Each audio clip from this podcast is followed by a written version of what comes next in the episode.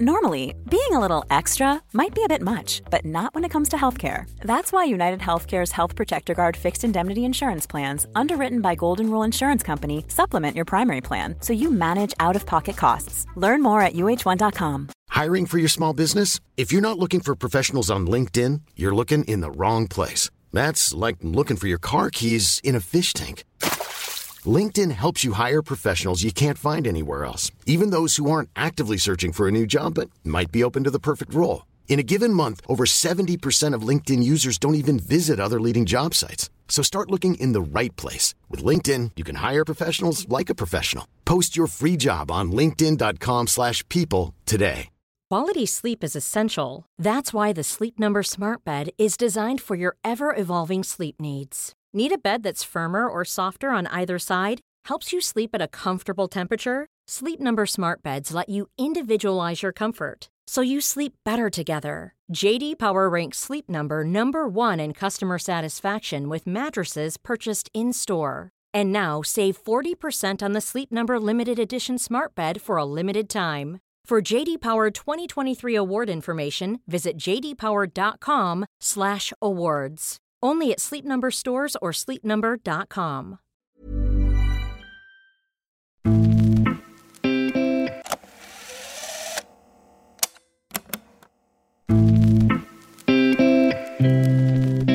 Det är snart fem år sedan Benjamin Nygren slog igenom i IFK Göteborg och såldes till belgiska Schenk. Idag är anfallaren i danska Nordsjälland men när jag poddintervjuade honom våren 2021 hade han flyttat till Heerenveen talade om befrielsen att äntligen få speltid, om hur han utvecklats i Nederländerna, om mardrömmen i belgiska skänk där han mest satt på läktaren, om att han ändå inte ångrade flytten och varför det inte var aktuellt att gå hem till Blåvitt. Dessutom berättade Nygren om våren 2019 då han var en av Europas hetaste talanger. Och vad tränaren Poya Ashbagi betydde när han nobbade storklubbar. Om att han skulle valt England om han bara tänkte på pengar. Om att han inte förstod någonting av Blåvitts miljonbetalning till en agent. Och om förhoppningen att få spela ett mästerskap för Sverige. Billy Nordströms vänsterfot mot Nygren! Ja, men det kom Benjamin Nygren! Vad är det för spelare Poya Asbaghi sätter in? Han har knappt gått ur grundskolan, men fotboll kan han lira. Och ett minne för den här unga killen som vi troligtvis kommer att få höra mycket mer om. Nygren staat behoorlijk vrij. Gaat uh, richting Veerman. Die probeert hem klaar te leggen. Nygren, Nygren. Het is uh, 1-0 voor Heerenveen. Sommaren 2019 skrev Benjamin Nygren in sig i rekordböckerna som Blåvitts dyraste försäljning. Men trots mål i ligadebuten för belgiska Schenk så gick det inte direkt som planerat. Även om han fick starta matchen efter så blev han utbytt i paus och därefter tillbringade han i princip resten av säsongen på läktarplats. Så i höstas fick han nog av Belgien och Schenk. Den 19-årige talangen gick då på lån till Heerenveen och inledde direkt med mål och assist. Efter färre poäng under ett tag har han återigen kommit igång och blev poängräddare i slutminuterna mot Venlo, målgörare i kuppen och stod så sent som i lördags för en matchavgörande assist mot Vitesse. Något som vittnar om att formen är på uppgång för Nygren. I dagens podd pratar vi om turerna som skett sedan han lämnade Blåvitt, om det blytyngre året i skänk, om kampen att få en plats i truppen och svårigheten att få till en samsyn med tränaren. Så sa jag till honom, jag tycker att jag har tränat bra eh, eh, bra nu det senaste och han bara, jag har inte samma känsla. Jag tänkte bara, vad fan är det här? Och vi talar naturligtvis om den hypade tiden i Blåvitt då han var en av Europas hetaste talanger och hur det var att säljas för en rekordsumma. Det spelar ingen roll om jag hade köpt för 50 miljoner eller om jag hade gått dit gratis. Alltså, ja, det spelar ingen roll överhuvudtaget för mig. Och så talar vi om drömmen att få spela ett mästerskap i de blågula färgerna. Och jag kommer göra allt jag kan för att eh, komma med i, i A-landslaget eh, eh, i, i framtiden i min karriär. För ja, det, det är nog mitt största mål skulle jag säga, att eh, få spela, spela de största turneringarna med, med, med Sverige. Och poddintervjun berör naturligtvis fler ämnen som svenskkolonin i Heerenveen, om Poya Asbagis påverkan på Nygrens karriär, om hur han följer Blåvitt och hur det är att vara ung i den lite smutsiga fotbollsbranschen och om drömmarna att nå La Liga eller Serie A. Men som vanligt inleder vi podden med en faktaruta.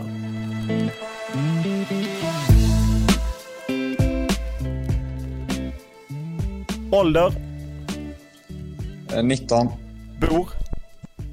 I Heerenveen. Familj? Eh, mamma och pappa och två småsystrar. Utbildning? Eh, ja, jag har inte gått ut gymnasiet så det är väl ingen då. Lön? Det säger jag inte. Vad kör du? Eh, Volkswagen. Vad läser du? Eh, jag läser inte så mycket. Vad tittar du på? Eh, just nu kollar jag på Homeland. Vad lyssnar du på? Eh, lite allt möjligt. Vad spelar du på?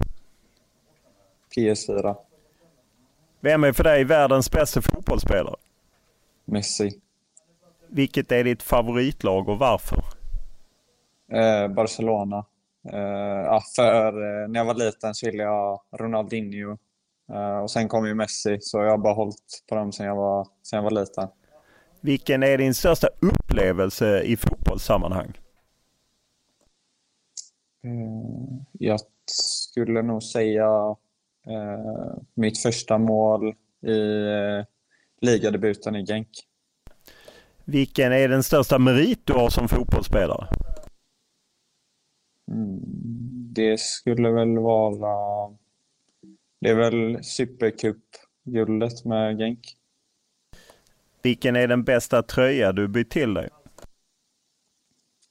Daily Blind i Ajax. Vilken regel hade du velat ändra på? Den här har jag faktiskt snackat med mina kompisar om. Eh, jag, jag tycker att man borde få assist för eh, om man skapar straff och man gör mål på straffen. Sen, alltså om någon annan gör mål på straffen.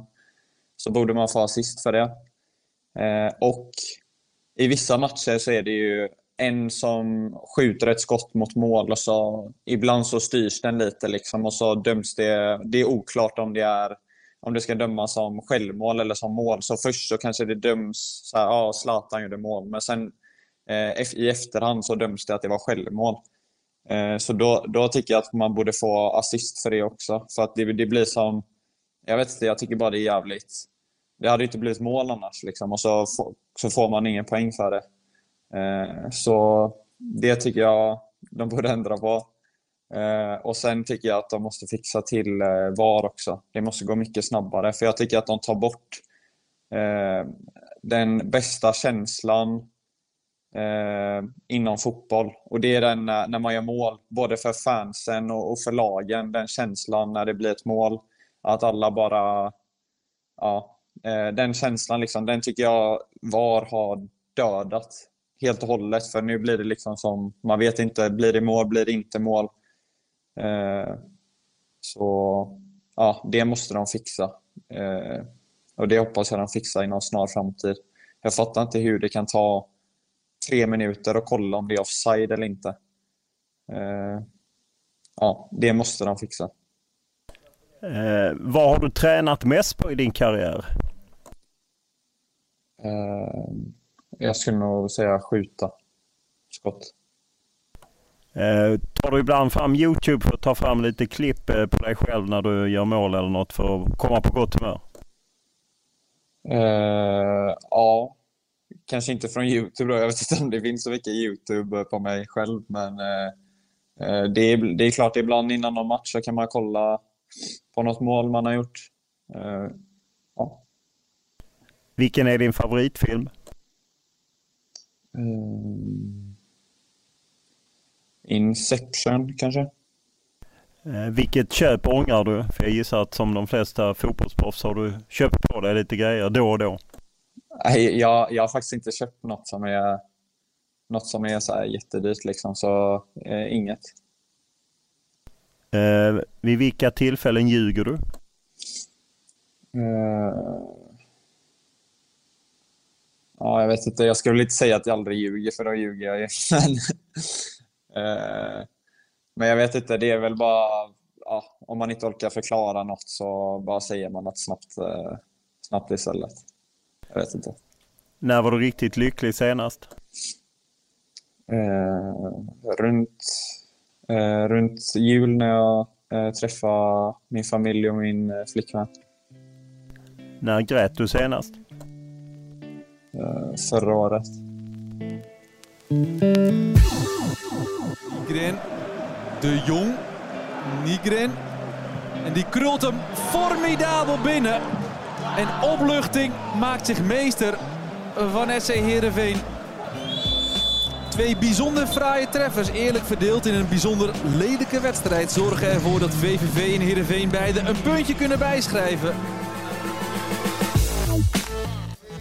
När jag når dig nu så är du hemma och du har en ledig dag. Hur är livet i den holländska, eller nederländska, småorten Heerenveen? Eh, ja, det, det, det händer väl inte så mycket. Liksom. Det, det är en väldigt liten eh, stad. Eh, jag trodde till och med mindre än, än Genk. För när jag kom till Genk så tyckte jag att det var litet, liksom, men jag tror Heerenveen är ännu mindre. Eh, och sen är det ju... Eh, Ja, jag vet inte om det är lockdown, men... Eller jag tror det, är det för allt är stängt. Liksom. Eh, så, ja. Det händer väl inte så jättemycket. Nej, och det är ju, man har ju fått rapporter om att i Nederländerna rätt många som är arga just på den lockdown som är. Och hur är tillvaron att, att vara eh, då fotbollsproffs i, i Heerenveen när det inte sker så mycket förutom träning och liknande? Alltså, för mig så... Det spelar inte så stor roll egentligen. Alltså, eh, ja, vi gör ju inte så mycket annat än att, att spela fotboll och ja, tränar och sover och käkar. Så, och jag bor ju här själv nu dessutom, så om jag hade haft min tjej här så hade, det, hade, väl, hade det väl varit lite tråkigare för då kan man ju inte hitta på saker. Men nu när jag är själv så, så spelar det inte så stor roll. Hur är eh, fotbollslivet i Heerenveen? Eh, du fick ju en flygande start med lite mål och assist. Eh, nej men det är bra tycker jag.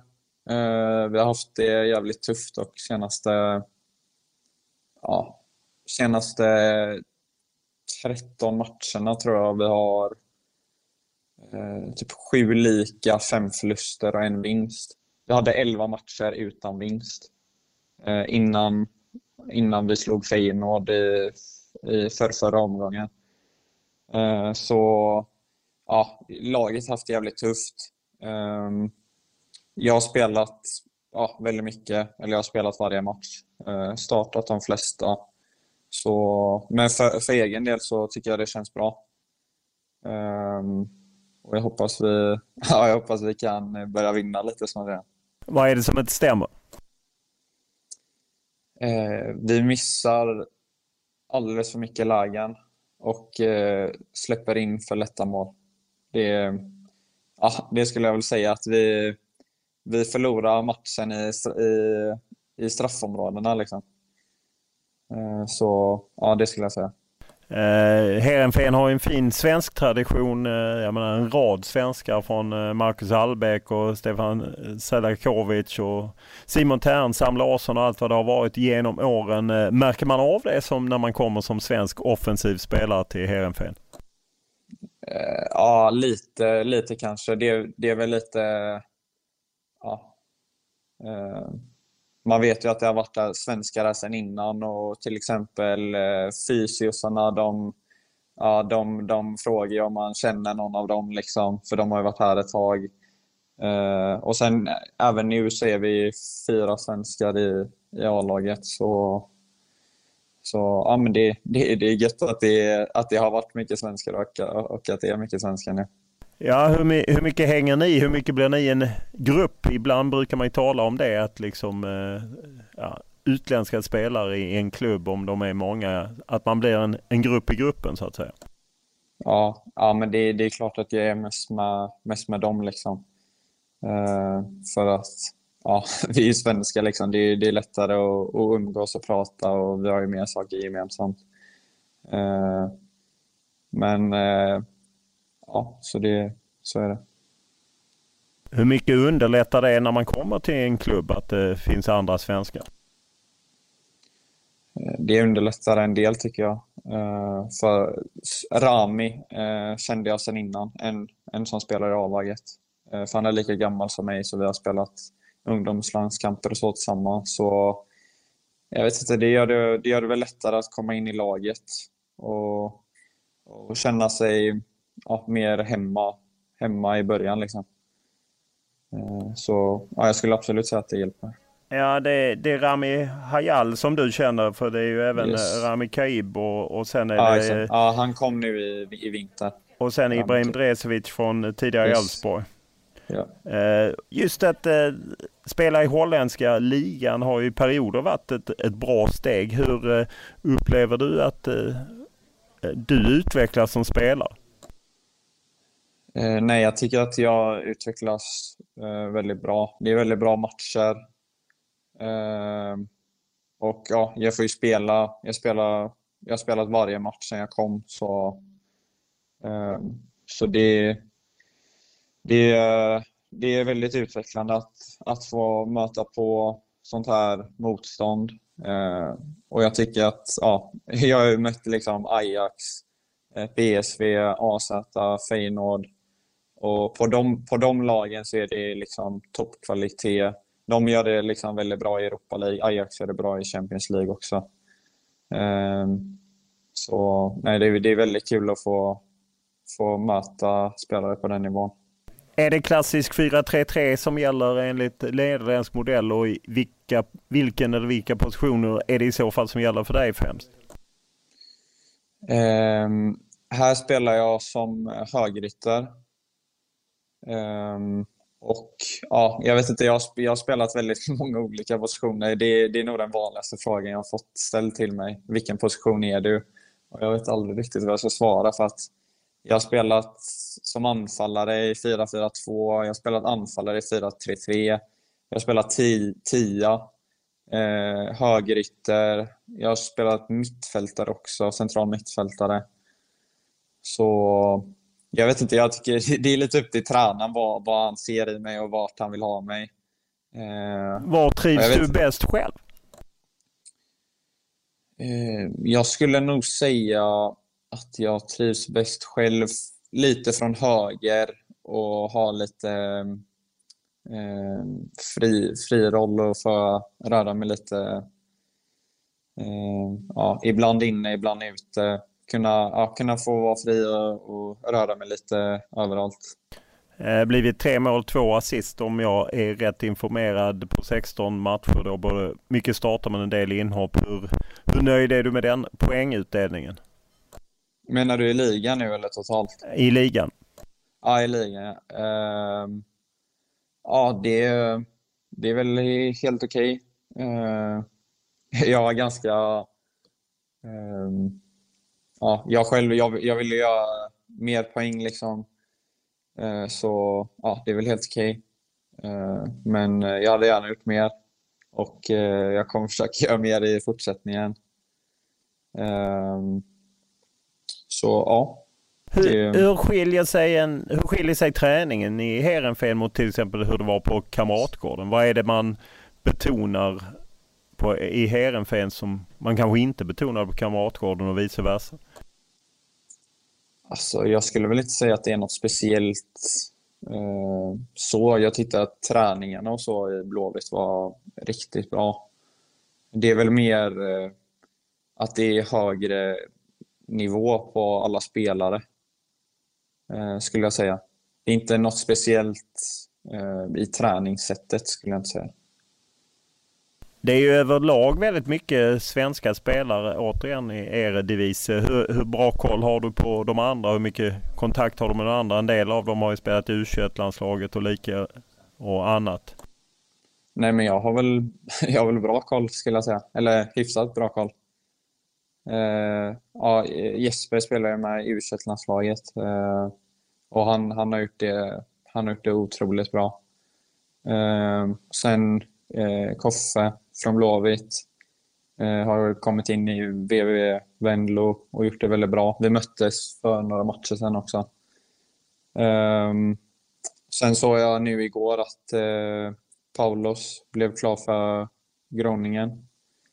Så ja, det, det, det kommer fler och fler svenskar så det, det är kul. Eh, är det bara en kvalitetsskillnad att det är högre tempo eller vad är det man på något sätt poängterar i den holländska ligan som, som man har nytta av som spelare och kanske framförallt som offensiv spelare?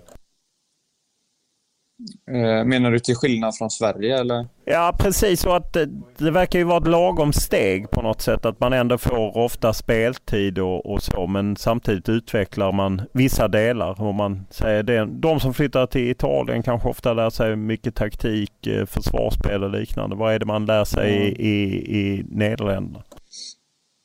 Nej men jag skulle väl säga att det är, det är väldigt mycket spelare i Holland med med individuell skicklig kvalitet.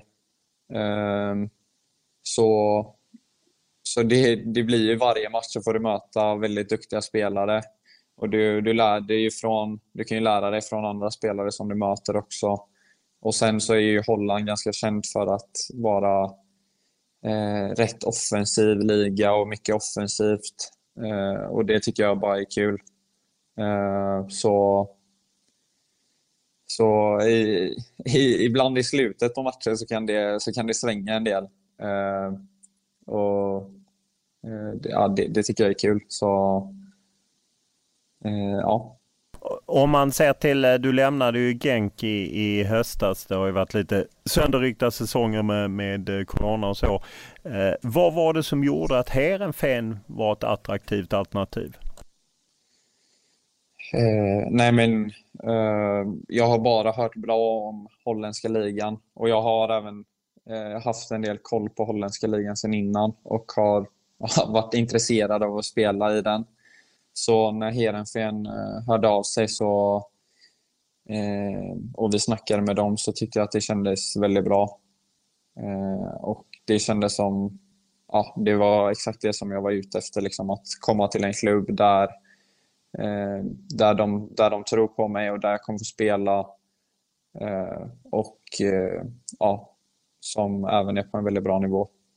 Vem är det man pratar med då? Eller vem pratar du med? Är det sportchef? Är det tränare? Är det... Ja, jag pratar med deras eh, sportchef. Vi hade ett ja, videokonferensmöte eller vad man säger. Eh, där jag snackar med deras sportchef, deras, eh, deras scout och eh, tränare. Och vad var det de lyckades kommunicera till dig som gjorde att du förstod att ah, men här kan det nog bli bra? Eh, nej, men det var det att de, eh, ja, de berättade lite hur de spelade, hur de såg på mig och jag fick berätta lite ja, om mig själv och så. Och eh, Nej, men de, de gjorde det tydligt för mig liksom att jag kommer få spela eh, och att de tror på mig. Eh, så jag fick en väldigt bra känsla och, ja, nu är du ju på bra. lån i, i två år och sen med en köpoption. Hur betydelsefullt var det att det blev ett längre lån snarare än kanske bara ett halvår? Eh, nej, men jag vet inte. Jag skulle väl säga att eh, om det bara om det om det jämför ett lån på ett halvår på två år så vet inte, det känns väl lite mer genuint eller genuint eller vad man säger. Eh, för ja, då får jag liksom chansen att eh, komma in i klubben och i, i laget på riktigt. Och jag vet att jag kommer vara där under en längre tid så ehm, ja, jag vet inte. Eh, det, att gå på ett lån i, under ett halvår eh, hade väl inte varit optimalt skulle jag inte säga. Hur många alternativ hade du när du letade ett steg bort från Belgien? Eh, jag vet faktiskt inte. Eh, men jag kände att när, när Heerenveen hörde av sig och jag snackade med dem så var det ingen idé att och, alltså leta efter annat för jag tyckte att det kändes helt perfekt. Hur eh, attraktivt var det att gå tillbaka till Blåvitt? Eh, inte attraktivt alls. Eller det var inte på kartan. Varför inte? För att... Nej, det, det var bara inte det. Jag ser ingen... Eh, jag vet inte varför jag ska gå tillbaka riktigt. Eh, hade du några diskussioner med Blåvitt? Nej. Eh, jag tänker mer att om man tar ett steg ut och, och så gick det ju lite trögt i, i belgiska skänk att man kanske skulle vilja backa hem till allsvenskan men, men det fanns inte hos dig? Eh, nej. Hur viktig var, hur mycket spelade lönen en roll där? Jag menar det är klart att det, det är bättre betalt när man är ute kontra om man går hem. Eh, du menar om vad jag skulle få lön om jag skulle gå tillbaka till Blåvitt? Nej, jag tänker att man kan misstänka att det kanske hade blivit en lönesänkning om du hade gått tillbaka till Blåvitt kontra om du stannar ute i Europa. Ja, jag hade inte gått tillbaka eh, oavsett. Alltså lönen spelar ingen roll. Alltså hade lönen spelat roll så hade jag inte gått från, till Genk från början. Då hade jag gått någon annanstans. Uh, ja, den där uh, våren, hur många alternativ hade du när det blev Genk? Fanns det liksom bättre alternativ pengamässigt men inte utvecklingsmässigt som du bedömde? Ja, då hade jag gått till England om jag hade velat ha bättre lön. Men, uh, men jag, jag vet inte, lönen tycker jag det Man kan inte fokusera på lönen liksom. Jag är 19, jag är i början på min, min karriär. Jag kan inte stirrar mig blind på siffror och eh, ja, det, det, det kommer sen liksom.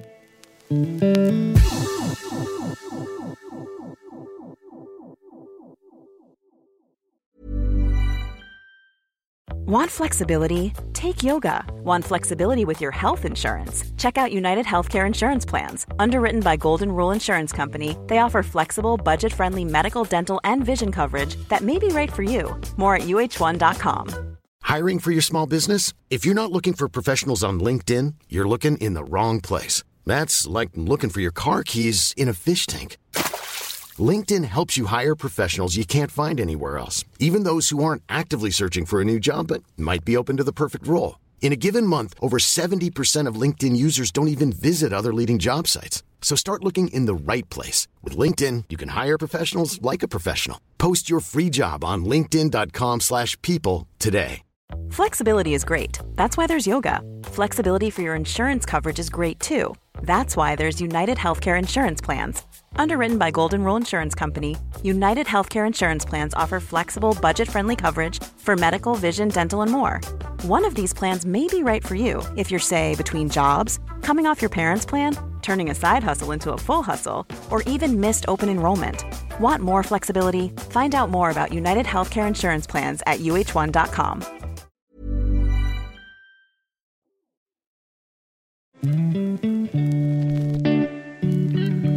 Och Benjamin Nygren har fått en fin start på karriären hos belgiska Schenk. Tidigare Göteborgsanfallaren stod för ett av målen i premiärsegern mot Kortrijk. Och här Samatta! Och bakom tar Nygren gör mål!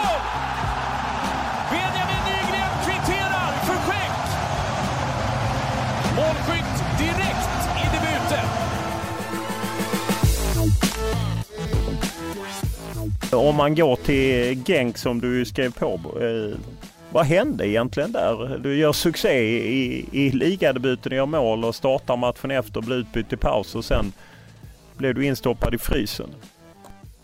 Ja, det var, det var väl det som hände.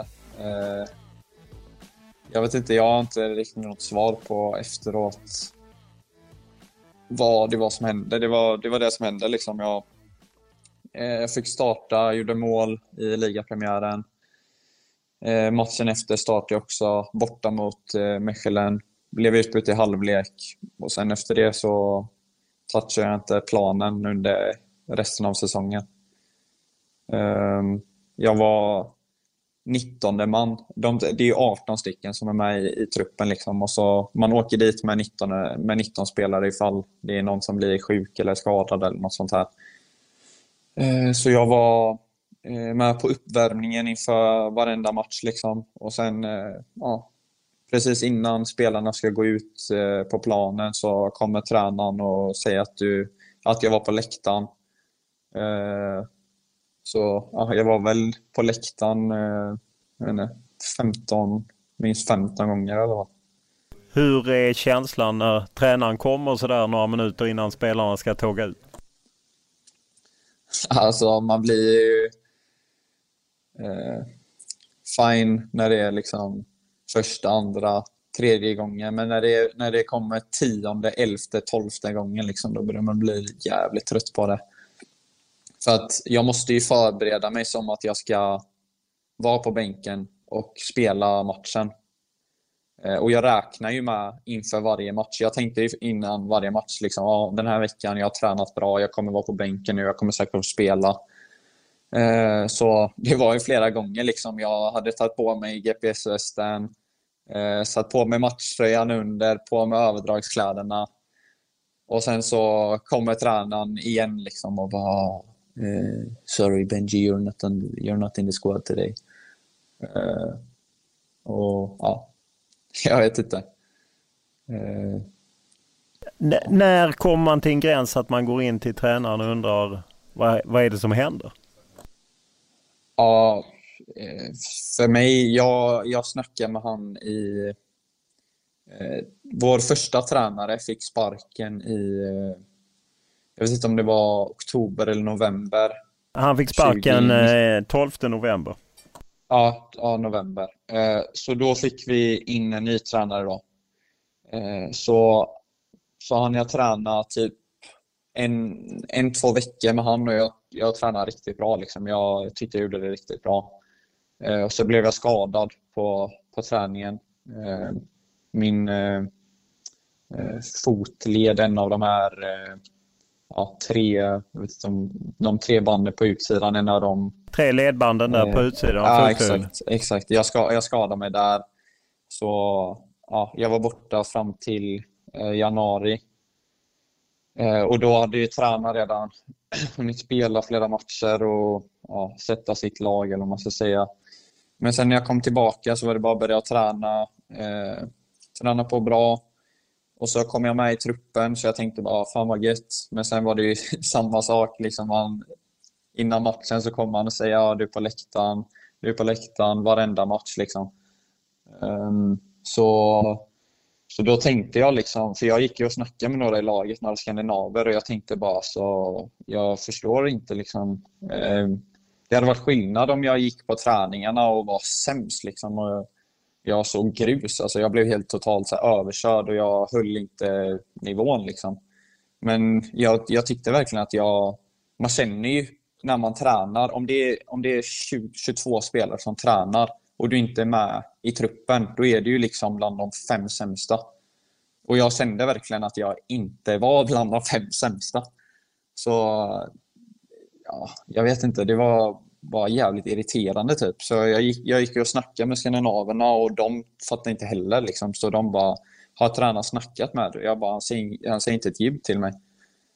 Så, så då fick jag liksom nog. Eller, typ, jag, jag gick och, och sa till tränaren att, vi, att jag ville snacka med honom. Så, för han snackade inte med mig. Liksom, så fick jag gå till honom.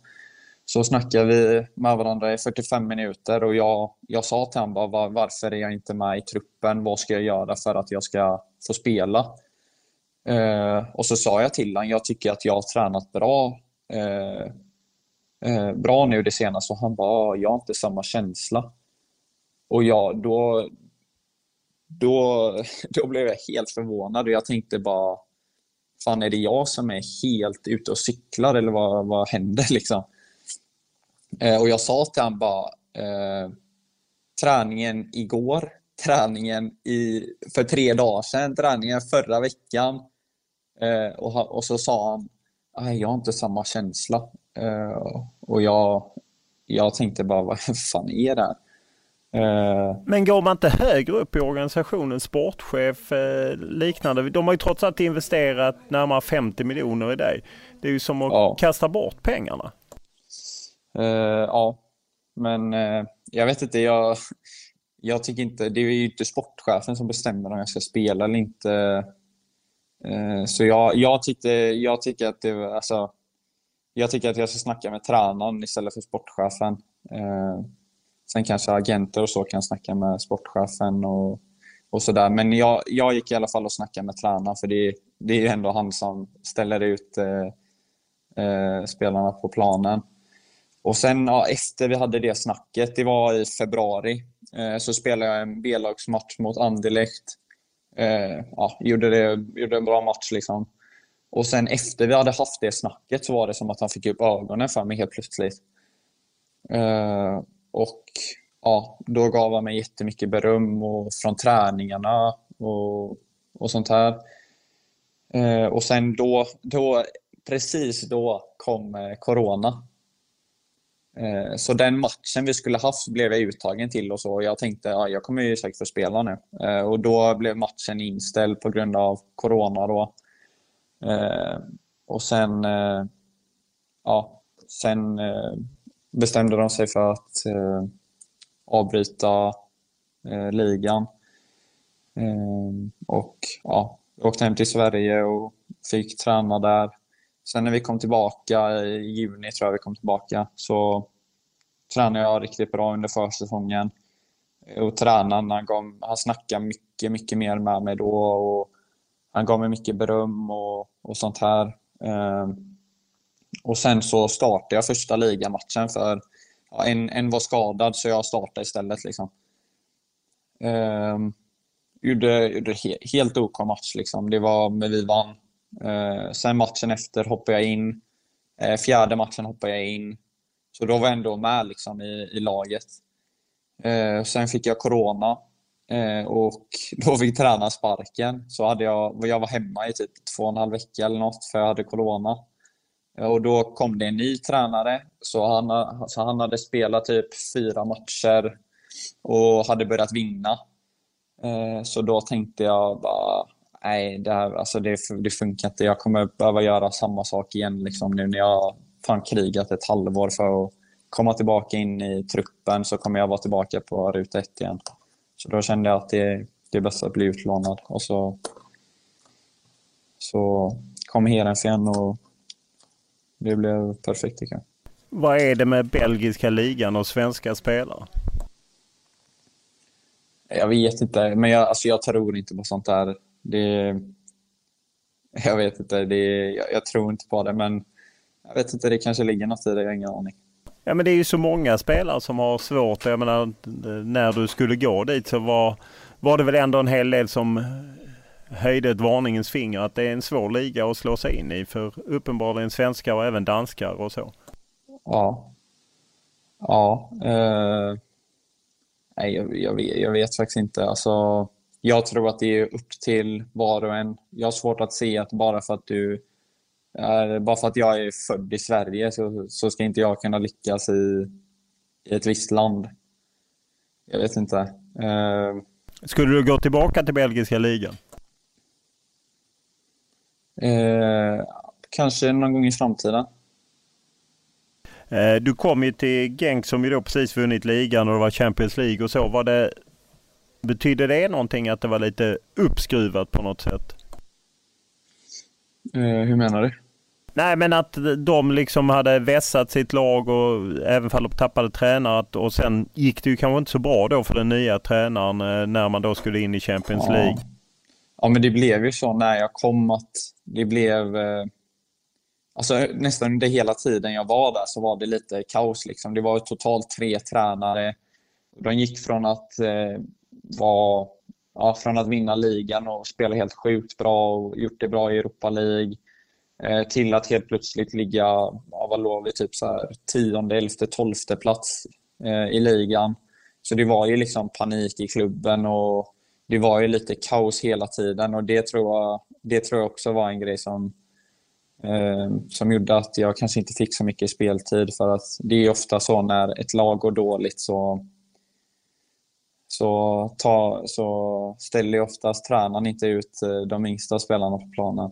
Eh, men eh, ja, det var så det var liksom. Jag fick inte göra något åt saken. När ni skildes åt nu, du gick på lån på två år, vad var känslan då? Att är det att du hoppas att Heerenveen utnyttjar sin köpoption eller lockar du att gå tillbaka till Genk? Jag har inte tänkt på det överhuvudtaget faktiskt. Det, det, det är upp till mig att, eh, att göra det så bra som jag kan nu och försöka utveckla så mycket som möjligt under tiden jag är här så får vi se, om, så får vi se hur det blir sen. Liksom. Eh, jag vet inte. Jag, jag kan inte gå runt och tänka på oh, ska de köpa mig, ska de inte köpa mig nu? För det, det vinner jag inget på. Liksom. Eh, när du väl lämnade Blåvitt så var det ju eh, Blåvitts dyraste försäljning någonsin och så. Hur, hur mycket tryck kände du just med prislappen när du kom till Schenk? Eh, ingenting skulle jag säga. Det är inte, jag har inte satt prislappen. Eh, så jag kan inte göra något åt den saken. Liksom, och, hur kunde du vara så kall när du ändå, du var ju väldigt ung och, och liksom oerfaren. En del spelare ja. kan ju ändå prata om Men alltså för, för mig, alltså det, spelar, det spelar ingen roll om jag hade köpt för 50 miljoner eller om jag hade gått dit gratis. Alltså jag, det spelar ingen roll överhuvudtaget för mig. Eh, det är liksom mellan klubbarna och, och sånt. Eh, du sa ja. att eh, om du skulle valt pengar skulle du gå till England. Vilka alternativ hade du i England? Uh, det, det säger jag inte. Det är ju sånt som är kul att höra nu i efterhand. Ja. Då, då kanske du kan få reda på det på något annat håll. Uh, fanns det andra länder, klubbar som drog i dig? Du var ju glödhet får man ju säga den uh, våren liksom efter ditt genombrott i Blåvitt. ja.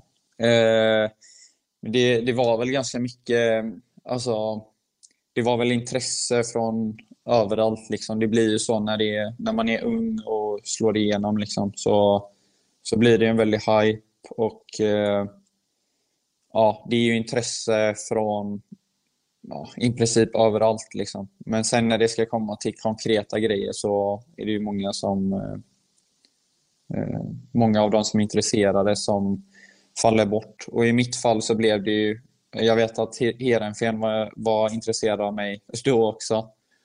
Men eh, eh, ja, eftersom jag var så ung och det var så hypat och så blir prislappen så pass hög så är det många klubbar som känner att de, de inte kan betala så mycket för en då 17-åring. Eh, vilket man förstår. Redan innan när du skrev ditt A-kontrakt eh, var väl hösten 2018 med Blåvitt. Eh, talades ju om stora klubbar, Manchester City och Inter. Så hur, hur är det liksom när man är 16-17 och man är så eftertraktad, håsad? Att liksom, hur är det i stormens öga?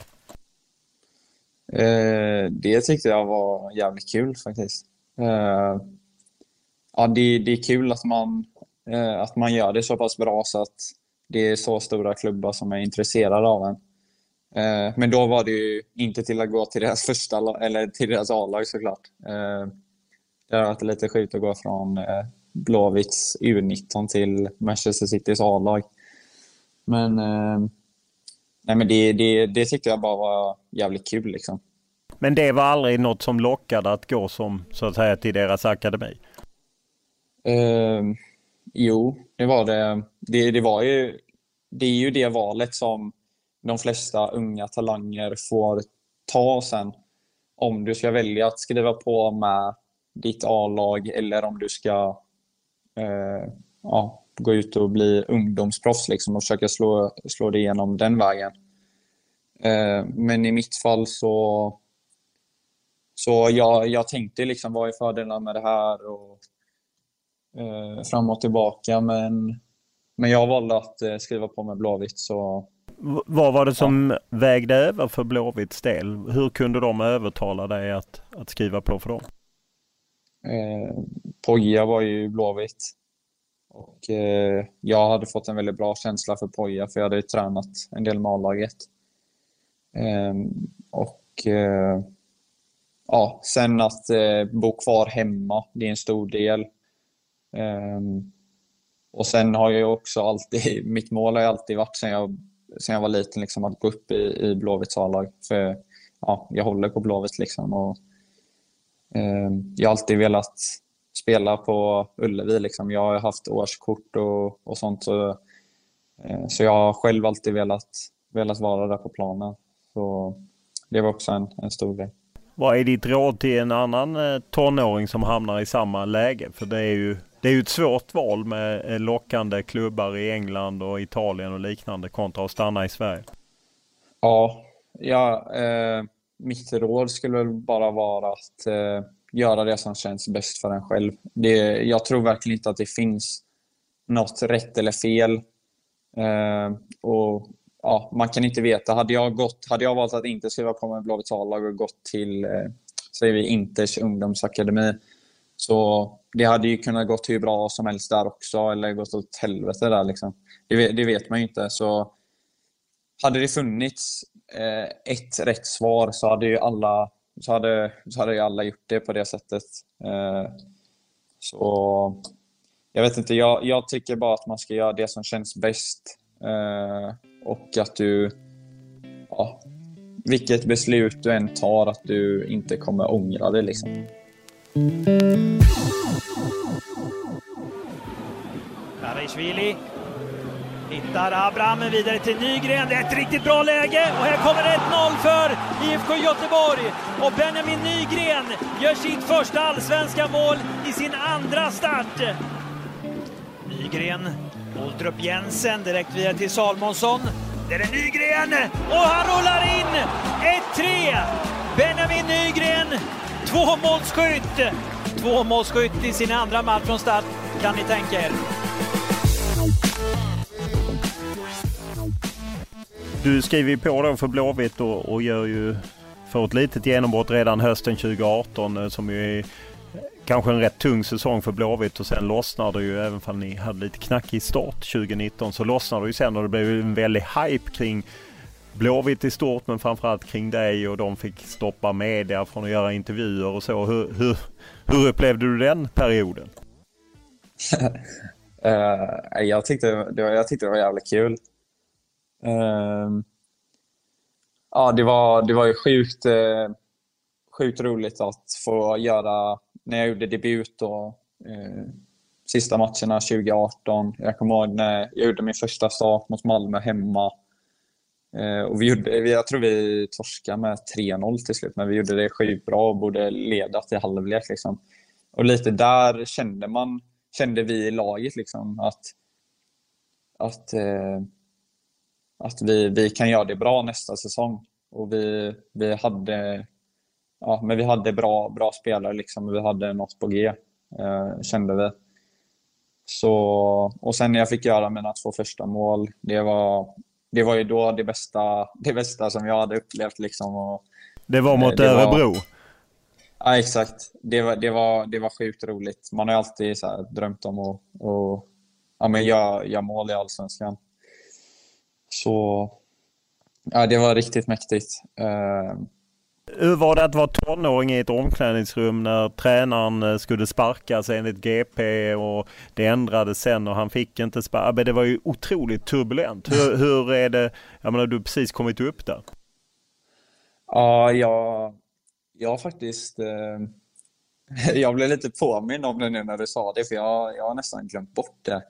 Men det var ju det var ju jävla, jävligt mycket snack om det. Och jag kommer ihåg att jag bara såg typ på telefonen att det stod ja, Poya Spagi sparkad och sen kom vi till typ Kamratgården dagen efter och så... Nej, det var så sjukt. Eh, ja, det var riktigt... Eh, det var riktigt skumt alltså. Eh, ja, och du, ja, jag, jag, menar... jag vet inte vad som hände där riktigt, men... Men och du, jag menar de äldre spelarna som kanske varit med om några tränarbyten eller turbulens och sånt. Men för dig som ja. på något sätt drömt om att komma upp dit och så kommer du upp dit och så är det kaos. Ja. Eh, nej, alltså jag vet inte. Jag, jag tänkte inte så mycket, mycket på det utan eh, det är inget som jag kan påverka. Eh, det är klart att jag ville att Poja skulle vara kvar och det var tur att han, han blev kvar. Eh, för att jag, jag gillar han och eh, han visar mig förtroende. Eh, så det var väldigt skönt att han var kvar. Men ja, det var, det var väldigt sjukt att det kunde bli så. Jag vet inte, det måste ju varit någon som har läckt, i, som har läckt ut det i media eller något. Det finns alltid de som läcker till media. Men ja.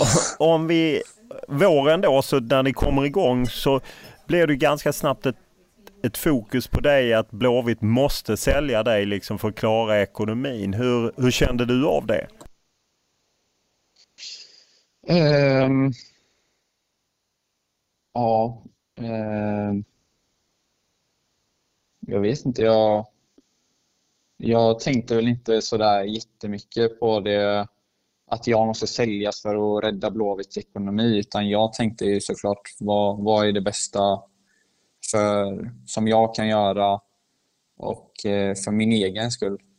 Eh, så jag, jag tänkte väl inte på... Sen, var det, sen är det klart att det, det var bra i efterhand också att jag kunde hjälpa Blåvitt. Eh. Du, om jag har historien rätt så hade du ingen agent från början utan det var din pappa som hjälpte dig. Var, är det korrekt liksom? Uh, ja. Hur var det när liksom det rasade in anbud och klubbar hörde av sig och så? Uh, alltså det var ju inte, det var inte så att det bara var pappa. Alltså det, det var ju klart att det var agenter som tog, tog i kontakt med pappa och sen så hade pappa kontakt med agenterna. Uh, De ringde inte direkt till dig då? vilka då? Agenterna. Agenterna. Jaha. Eh, nej, det var mest, eh, de snackade mest med pappa och sen så med vissa agenter så, så, så snackade jag tillsammans med pappa. Eh, hur kom ni fram till liksom att, att gå på skänk? Är det du och pappa som liksom snackar ihop er kring det? Ja, det var väl, det var väl mest jag själv. Eh, det, det är klart att pappa också sa vad han tyckte tyckte och så. Han tyckte också att det kändes väldigt bra. Så det, det är klart att eh, det är klart att när jag fick en bra känsla så är det klart att pappa, det var skönt att pappa också hade det så att inte han tyckte något helt annat. Då hade det varit lite jobbigare. Men eh, jag vet inte, jag, det är jag som ska ta valet och, och eh, jag, jag kände att det var, det var ett bra steg för mig att ta och jag visste att att om jag tar det här beslutet så kommer jag inte ångra mig oavsett hur det går. Eh, och ja, jag har inte ångrat mig och kommer aldrig göra det heller. Eh, det framkom ju efteråt att Blåvitt hade betalat 3 miljoner till en agent som kom med, med klubben. Eh, vilken koll hade du på det? Uh, inte, jag hade ingen aning om, alltså, om det eller vad som har hänt eller vad som inte har hänt överhuvudtaget.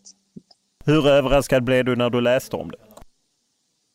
Alltså jag har inte ens läst så mycket om det. Det var typ några kompisar till mig som berättade. Och, ja, jag, jag fattar ingenting. Jag vet inte vilka det är som har gjort fel. Om det är agenten, om det är Blåvitt. Jag har ingen ja, Blåvitt fick ju böta 350 000 för att man hade gjort fel enligt det ja. reglementet som finns. Ja, ja. Så, så är det. Men eh, det är inget du brydde dig överhuvudtaget om, alla de turer som finns kring, ja, ofta i den internationella toppfotbollen? Ja, alltså, jag vet inte. Det, jag, jag kan inte göra något, något åt saken när det är sådana här Nej, jag säger inte att du ska göra något utan mer hur du resonerar kring det. Att man ändå liksom, ja, det blir någon slags business kring en själv som person där man inte har koll på allt. Ja, nej men det, det, det är så av fotbollsbranschen. Det, det, är en, eh, det är en sjuk bransch egentligen. Och Eh, det är ju väldigt mycket pengar involverade så Eh, ja. Det finns ju eh, dåliga saker eh, som händer i den här branschen också, antar jag eftersom det är så mycket pengar. Så, ja, så väljer folk att försöka kringgå vissa regler och sånt som finns, antar jag. Hur, när du tänker då att du byter klubb och idag kör du med agent om jag har förstått det rätt. Eh, och hur har du resonerat kring det liksom att du inte hade agent tidigare men har nu? Uh, nej men... Uh, ja, jag vet inte. Man ska väl, man ska väl jobba med någon som man, någon som man uh, har en bra connection med och som man tror på. Och det är väldigt mycket eh, ja, väldigt mycket som häng, eh, händer kring eh, agent, eh, agentvärlden och det är mycket som det är mycket snack bland spelare också. Och, för det, det, är ju, det har ju hänt jättemånga gånger att det har varit agenter som liksom lurar unga spelare och, och sånt här. Så jag vet inte, jag tycker det är, det är lite... Det är mycket fulspel som man, man får eh, man får vara lite på tårna och eh, eh, så man, så man eh, snackar med rätt folk. Liksom. Snackar man med andra spelare? För vad är din erfarenhet av person X eller person Y och hur ska man köra? Nej, men det är klart, alltså från första gången man var på Bosan, då var vi 15. Eh, det, det har alltid varit, det är alltid något snack om eh, agenter hit, agenter dit. Den agenten kontaktar mig, eh, den, kontakt, eh, den agenten kontaktar mig och så, ja, det, det har alltid varit eh, snack om agenter hit, agenter dit. Så ja, det, det, det, har, det har alltid varit snack om det. Jag tror det kommer fortsätta vara det. Leaves it across to Barrow, leaves it for Svanberg! Wonderful goal, Svanberg with his second goal of the season. Och så kommer bollen in till slut för Kulusevski! Och det är 1-0! Dejan Kulusevski! Han är så kall när han placerar in den här bollen. Och andra bollen till Isak! Oj, oj, oj! Han drar till! Alexander Isak! Med en riktig pärla! Ja, men vilken träff han får. Jag tycker det har varit eh, bästa spelare i den här matchen. Det är ett Så nytt eh, svenskt styrkebesked här från Alexander Isak. Eh, om man ser fotbollsmässigt framåt, vad, vad drömmer du om? Eh, många brukar ju använda ligan i Holland till att liksom studsa vidare. Vad, vad drömmer du om när du tittar framåt? Eh, nej, men min, mitt mål är att eh, göra det så bra som möjligt här, utvecklas mycket och sen eh, förhoppningsvis kunna gå vidare till de största ligorna. Och sen även komma med i, i A-landslaget. Um, ja, för det är ju lätt att glömma bort att du är ju bara 19 år äh, än så länge. Ja. Har du ja, någon... Jag har ju, jag är, jag är, jag är jävla massa år Precis. Mig. Eh, har du någon liksom liga där du känner att ah, här tror jag att jag hade passat? Mm, alltså, jag har alltid älskat La Liga. Ehm, för, ja, jag vet inte, jag älskar fotbollen som spelas där eh, och allt runt omkring. Så La Liga hade jag verkligen velat spela i. Eh, sen även Italien. Ehm, jag hade velat spela i vilken, vilken topp fem, vilken, vilken av de största ligorna som helst faktiskt. Eh, det, eh. det, är ju två, två, tre unga svenskar. Jag menar Kulusevski och Svanberg i Italien och eh, Isak i Spanien och så. Har du bra koll på dem och kan de inspirera? Ja, absolut. Um, första gången jag var med i u landslaget var ju både Dejan och Mattias med. Um, och jag snackar en del med dem så, och, och, ja, och ser det som de gör nu, att, ja, att båda två kommer upp till A-landslaget och Dejan som, ja, han har ju tagit verkligen eh, nästa, nästa steg och nu är han ju verkligen i, eh, ja, han spelar i Juventus som är enligt mig ja, topp tre, eh, topp fem klubbarna i världen. Han spelar med en av världens bästa spelare genom tiderna. Så det är sjukt inspirerande att, eh, ja, att eh, se hur det går för dem och man ser hur snabbt det kan gå i fotboll. Eh, ja, Dejan, bara för, om du tar Dejan för tre år sedan, jag vet inte ens var, vart han spelade då, men Eh, han, var, han hade väl inte... Han hade väl gått till eh, Atalantas Primavera-lag? Ja, exakt. Han spelar i, och nu spelar han liksom i Juventus och gör det jättebra där och spelar i A-landslaget, ska spela EM i sommar. Så man ser hur, hur snabbt allt kan gå och eh, ja, eh, gör, gör han det liksom... Jag tror att för, för han är liksom, det, allt är möjligt. Alltså, när, om, om, om någon säger till dig det är omöjligt för dig att vinna Ballon d'Or. Eh, om du kollar på, om någon hade sagt så till dig för tre år sedan. Alltså jag, jag hann det liksom. Fortsätter han att göra det bra i Juventus, de vinner Champions League, han gör det bra i landslaget. Alltså ingenting omöjligt liksom. Nej, det är ju en häftig resa. Eh, mindre häftig resa har ju Blåvitt haft sedan eh, du lämnade. Hur, hur nära har du följt eh, Blåvitt? Mm, nej, men jag har följt dem. Eh, jag har sett de flesta matcherna och ja, jag har följt varenda resultat efter varje, varje match. Och eh, ja, några av mina väldigt nära kompisar spelar, spelar i Blåvitt och jag känner ju de flesta. Så ja. Hur känner du inför den riktningsförändring man har gjort där man sparkar då på Aspargi och går tillbaka till rötterna med Roland Nilsson? Uh, ja, jag vet inte. Um, ja, vi får, se, vi får se hur det blir. Nu är det ju uh, första... Det är svårt att komma in liksom när, det, när det är kaos och så. så vi får se hur det går den här säsongen. Uh, Men vad, vad var din känsla när de sparkade på er? Uh, alltså det blir ofta så att när ett lag inte presterar så blir man till slut tvungen att, att sparka tränaren för det, det är liksom alltid eh, det är inte tränaren som är på planen men det är, det är ofta tränaren som får eh, skulden för att det går dåligt och det är ofta tränaren som får ta, som får, som får ta smällen. Liksom. Eh, så ja, det, jag tror det var något de var tvungna, tvungna att göra bara. Eh, hade du kontakt med Poja då? Eh, ja, jag har faktiskt haft kontakt med Poja eh, när, jag var, när jag var i Genk. Jag har snackat en del med honom. Och, eh, ja. Så det, det, är klart, det är klart man, man vill inte att, eh, att någon ska få sparken så, men i, i fotbollsvärlden så ja, ibland så Ibland så är det bara så.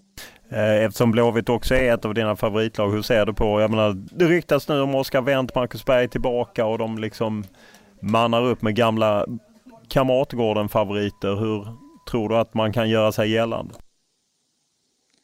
Eh, om SM-guld? Ja precis, ja, framförallt ta sig upp i tabellen eftersom de ju hade en tyngre säsong förra ja, året. Det är, det är klart att de kan eh, ta sig upp i tabellen, absolut. Det tycker jag att det, det är ett måste. Eh, jag, kom, var, jag vet inte var de slutade nu förra säsongen, men eh, det var väl... Eh, ja, de blev väl 11, 12, ja, något exakt. sånt. Ja, ja, så det ser jag väl. Eh, jag tror att de kommer göra det bättre den här säsongen. Och, eh, men något snack om SM-guld tycker jag inte man ska ha när eh, ja, efter man har kommit eh, på runt 11-12 plats. Men jag hoppas inom eh, ja, jag hoppas i framtiden att Blåvitt kommer tillbaka till, till den plats där de är hemma, i toppen.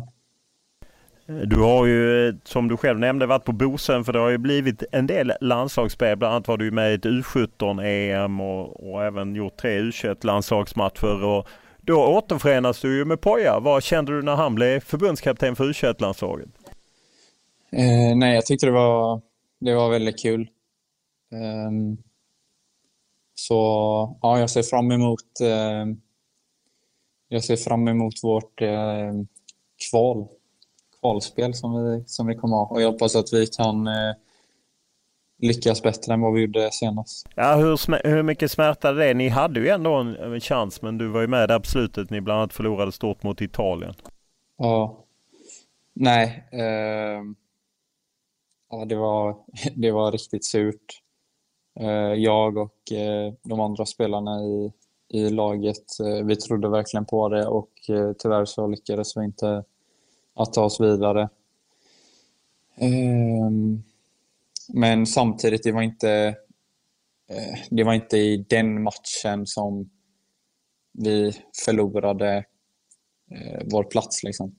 Det är inte Italien borta som vi ja, förlorar, som, som gör att vi inte tar oss vidare, utan det är matcher innan som, som vi ska, ska ha gjort det mycket bättre i. och vi sätter oss i en för alldeles dålig, dålig sits. Det lustiga är ju att du då innan hade ju den nuvarande Blåvitt-tränaren Roland Nilsson. Vad var dina intryck av honom? Eh, nej men jag, jag gillar Roland och eh, ja, han har haft en väldigt imponerande karriär så man, man kan verkligen se upp till honom och man vet att han, han vet vad han snackar om. För han har varit med om, med om saker han har varit med om sakerna eh, som man själv vill eh, uppnå. Eh, så nej, jag, jag tyckte det var väldigt kul att ha honom som eh, förbundskapten under tiden under den tiden vi hade. Och nu känns det som att ni har fått nästan samma lottning igen. Ni fick Italien och Irland ja. igen och sen då Bosnien, Montenegro och Luxemburg. Ja, ja jag, jag tänkte på det när jag såg lottningen. Eh, det var i princip samma typ. Så... Vad ger du er för chanser att eh, nå U21-EM 2023 eh, i Georgien, Rumänien? Ehm, ja, jag hoppas att vi, vi, ska, vi ska lyckas med det. Och, ja, jag, jag, jag är jävligt taggad för det faktiskt. Och eh, ja, jag, jag, tror, jag tror på oss. Hur mycket sneglar du ändå upp mot A-landslaget liksom i, i tanken att det är dit jag vill? Alltså, jag tänker inte så mycket på det nu. Jag, jag är 19. Liksom. Mitt, mitt eh, fokus är i, i landslagssammanhang nu på, på, att, eh, ja, på att göra det så bra som möjligt i U21. Um, och sen bara göra det så bra som möjligt i klubblaget. Och, och gör man det över tid så, så, så finns ju chansen att du kommer med i A-landslaget. Och jag är bara 19 nu. Uh, men jag hoppas verkligen och jag kommer göra allt jag kan för att uh, komma med i, i A-landslaget uh, i, i framtiden i min karriär. För ja, det, det är nog mitt största mål skulle jag säga, att få spela, spela de största turneringarna med, med, med Sverige. Vad är, vad är det med landslaget som lockar? Eh, jag vet inte. Eh, jag tycker bara det är så sjukt eh, mäktigt och ja, varenda mästerskap som Sverige spelar följer jag ju. Och ja, min familj, min släkt, det har varit så sedan jag var liten. Och om vi tar bara VM nu senast, vilken eh, ja, det, jag tycker det är helt fantastiskt. Liksom, sommar, eh, Sverige i VM. Eh, ja, där, där vill man ju verkligen man vill ju verkligen liksom spela där. Eh, och det är dit man vill komma. Så ja, jag hoppas att det en dag sker. Ja, får vi hoppas att Corona försvinner också. De säger ju att det ska ha lagt sig till VM 2022 i Qatar så att det är kanske dit du får sikta och att Sverige tar sig dit. Ja, vi får se. Jag hoppas också Corona, att det slutar snart. Det, ja, ja, för det fotboll, har länge nu. Fotboll utan publik är inte samma sak, eller hur? Nej, nej det, det är det verkligen inte. Uh, ja, publik är ju publik och fans är ju det som har gjort eh, fotbollen till vad den är idag, till att varför det är världens största sport. Uh, ja, ja, fotboll utan fans, det är inte samma grej. Liksom. Så jag tror att eh, alla spelare och alla fans längtar lika mycket efter, eh, eller tills, tills fansen kan komma tillbaka. Stort tack för att du ställde upp. Tack själv. Podden är denna vecka producerad av Julia Karlsson och klippt av Daniel Eriksson. Och som vanligt vill vi gärna ha era reaktioner, tankar, önskemål, idéer. Ja, vad det nu må vara. Enklast är alltid att mejla mig olof.lund.tv4.se Eller skriva till mig på Instagram eller Twitter och det gäller Olof Lund i ett ord. Stort tack för den här veckan!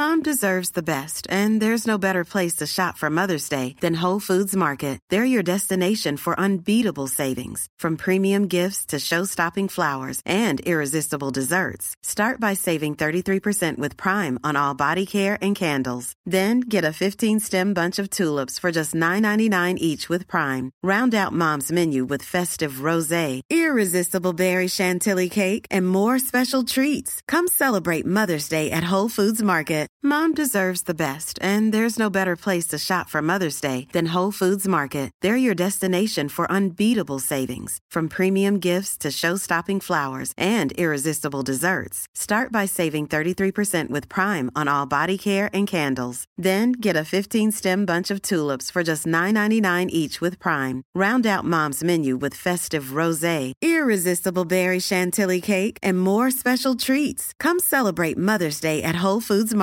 Normally, being a little extra might be a bit much, but not when it comes to healthcare. That's why United Healthcare's Health Protector Guard fixed indemnity insurance plans, underwritten by Golden Rule Insurance Company, supplement your primary plan so you manage out of pocket costs. Learn more at uh1.com.